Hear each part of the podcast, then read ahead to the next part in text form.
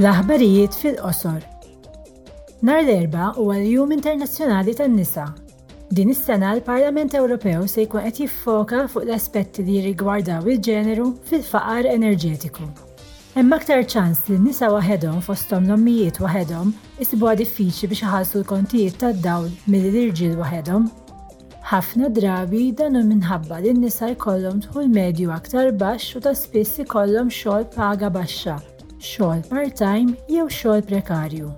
Fl-2020 id-diskrepanza fis-salarji bejn in-nisa u l-irġiel fl-Unjoni Ewropea kienet għadha ta' 13 fil-mija.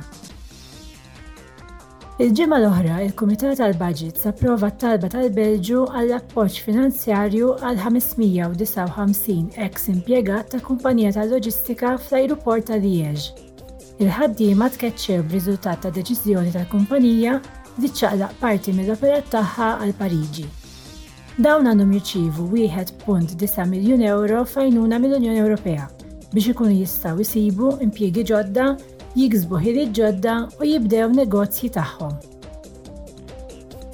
Fid-9 u fl-10 ta' Ġunju, eluf ta' persuni li għandhom bejn is-16 u t-30 sena minn madwar l-Ewropa se jinġabru fil-Parlament Ewropew fi Strasburgu għall-Avveniment Ewropew taż-Żgħażagħ. biex jiddiskutu u jaqsmu l-ideat tagħhom dwar kif il-futur tal-Ewropa għandu jissawwar.